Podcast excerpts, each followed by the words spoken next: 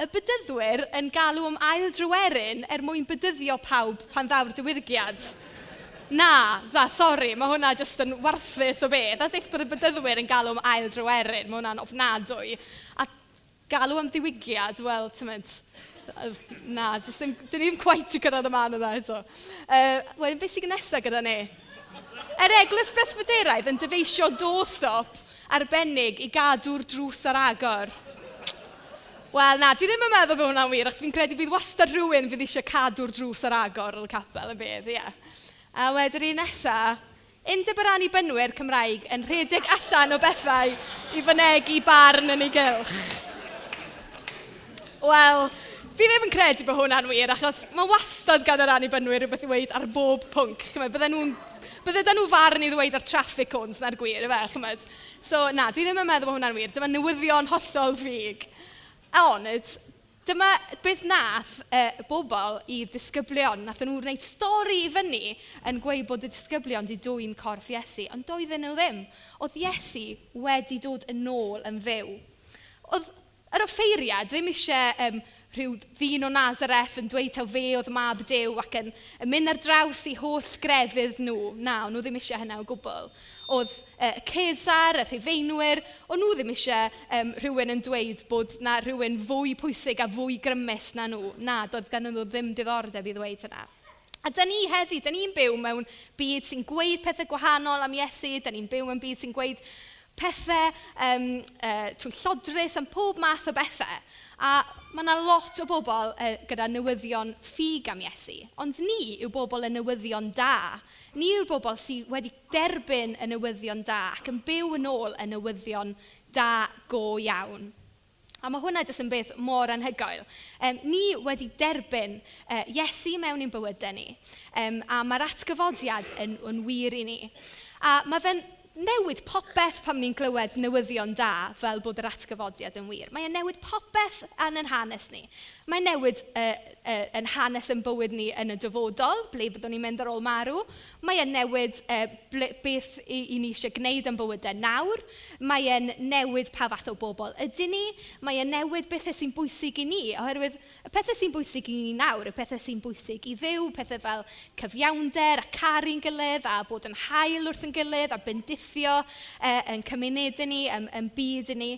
A um, dyna y bobl ydyn ni nawr, bobl y newyddion da, bobl sydd wedi cael yn llenwi gan llawenydd uh, y newyddion da fod Iesu'n fyw.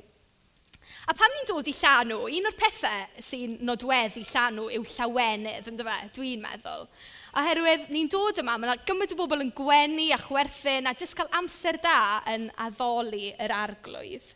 A um, mae hwnna wedi bod yn fendith fawr i ni yn dydy. Dod at ein gilydd a llawenhau yn be mae'r arglwydd yn neud yn ein plith ni, y gwaith mae'r arglwydd yn neud o gwmpas Cymru um, a dod at ein gilydd i llanw, i gael yn annog a dyn ni'n mynd o 'ma gyda'n hyder ni wedi codi yn dydyn am am be mae'r arglwydd yn gallu wneud a'n disgwyliadau ni wedi codi am be mae'r arglwydd yn gallu wneud. So dwi jyst yn mynd i ddarllen darn bach o Nehemeia 8 sy'n sôn am Nehemia yn galw ar bobl i lawenhau.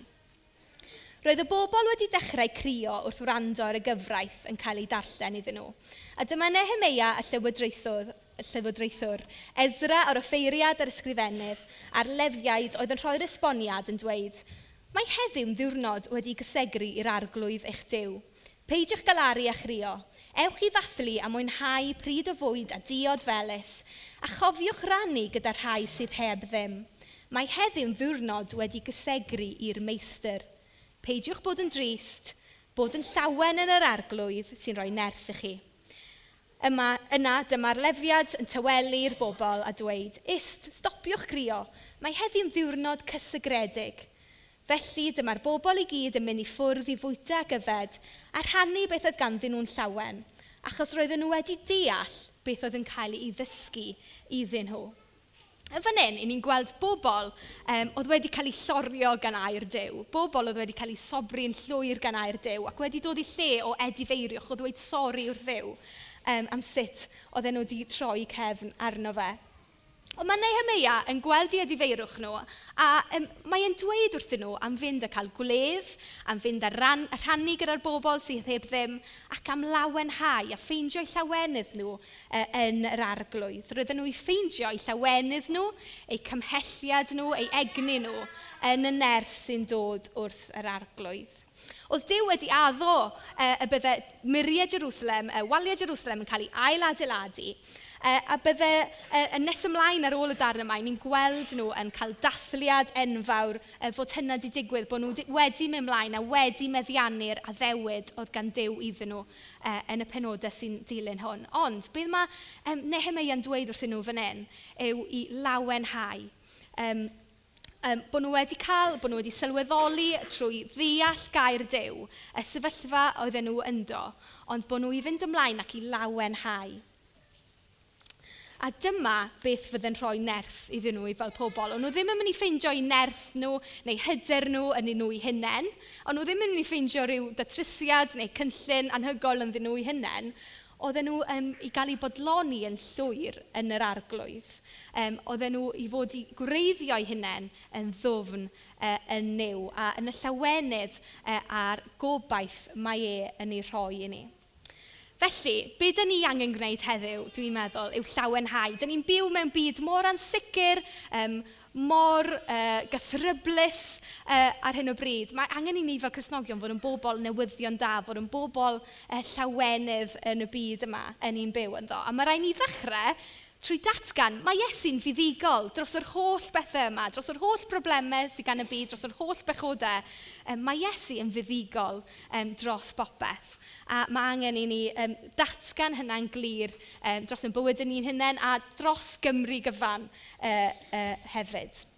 Nawr te, mynd i fi dwy ganwyll fan hyn. Wrth gwrs, beth sy'n digwydd canwyll fel arfer pan ydych chi'n chwythio yna fe? Mae'n mynd allan. Gan i weld beth sy'n digwydd nawr. Wel, mae un di mynd allan. O, oh, mae hwnna di mynd allan hefyd. Waw! Fantastic! Wedi hwnna ddim wedi diffodd, nag yw? Wel, mae hwn fatha y llywenydd mae Iesu'n rhoi i ni. Um, os ni'n nabod Iesu, os gyda ni Iesu uh, yn yn calon, mae gyda ni llawenydd fydd byth yn mynd oddi wrtho ni. Achos dyn ni'n gallu teimlo yn wahanol, bob dydd y dan, dyn ni'n gallu teimlo yn wahanol, weithiau dyn ni'n dris, weithiau dyn ni'n hapus, weithiau mae bywyd yn anodd iawn, weithiau mae bywyd yn gret. Ond, os ydyn ni'n nabod uh, uh, Iesu, os mae llewenydd Iesu yn dyn ni, fydd e gyda ni sut bynnag i ni'n teimlo. A mae hwnna'n rili really calonogol yn dydy. Gwybod, beth bynnag sy'n dod uh, yn yn herbyn ni, fydd dim byd yn diffodd uh, y cariad uh, sydd gan fyw uh, ato ni. A bydd dim byd yn diffodd um, Iesu yn yn calon ni. Bydd Iesu gyda ni um, drwy popeth. Sym ots sut yn ni'n teimlo. Lly, jyst yn mynd i roi hwn ôl i treu. Diolch treu. A'r rheswm i ni'n gallu bod uh, yn llawen wrth gwrs, fel y disgyblion, blynyddoedd maith yn ôl, 2000 o flynyddoedd yn ôl, achos yr atgyfodiad, achos bod Iesu'n fyw. Ond be mae hwnna'n golygu i ni heddi? Wel, mae'n golygu bod ni yn byw uh, bywyd gobeithiol, bywyd llawen, a mae'n golygu hefyd bod gyda ni obaith gwirioneddol, uh, bod ni'n mynd i gael bywyd trygwyddol um, gyda Iesu. Bod dim rhaid i ni ofn marwolaeth ragor, achos bod Iesu wedi trechu marwolaeth. So dwi am dweud ddim stori bach. Dy'r stori yma ddim yn y Beibl, um, ond mae'r stori yma, gobeithio, yn esbonio i ni rhywbeth amdano um, Iesu ac atgyfodiad Iesu, iawn?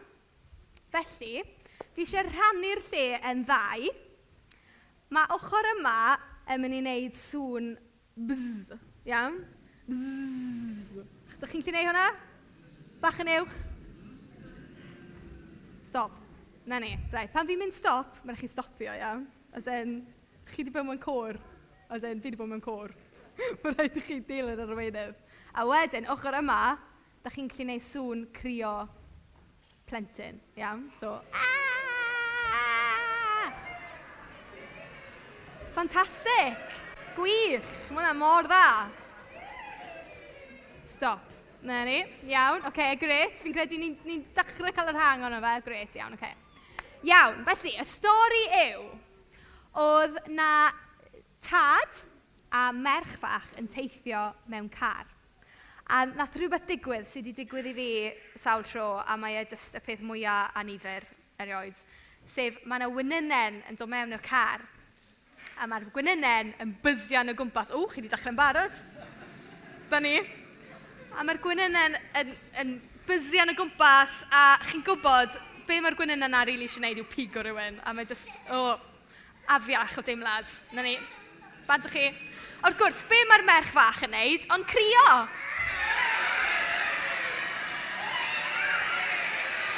A mae yna mwy o bysian! A mae yna mwy o crio! A mae yna mwy o bysian! A mae yna mwy o crio! Stop!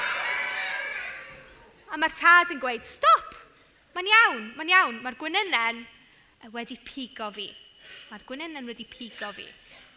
Ond wedyn, mae'r byddian yn ail ddechrau.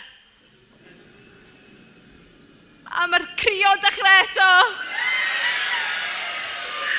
A mae mwy o byddian, a mae mwy o grio. Stop! A mae'r tad yn gweud, stop, mae'n iawn, does dim angen crio. Mae'r gwynynau'n dal yn fyw, Ond mae'r pigiad cas, mae'r gwynyn yn rhoi, dwi wedi cael e, felly fydd e ddim yn gallu dibigo di. Yn gweud hynna wrth y merch fach. Felly oedd y ferch fach ddim yn goffod ofni rhagor bod i'n mynd i gael ei ffigo. Oedd y gwynyn yn dal yn fyw, ond oedd hi ddim yn goffod poeni am y pigiad cas. A mae fyla gyda atgyfodiad Iesu. Gyda marwolaeth. Mae marwolaeth dal yma, mae pobl dal yn marw, ond does dim rhaid i bobl sy'n trystio'n Iesu ofni marwolaeth. Achos mae Iesu wedi marw dros ni. Mae Iesu'n fyw a mae wedi cymryd y pigiad cas marwolaeth i ffwrdd athyn ni.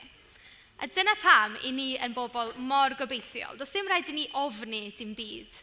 I ni'n gallu llawenhau a ffeindio'n gobaith i gyd yn yr arglwydd Iesu.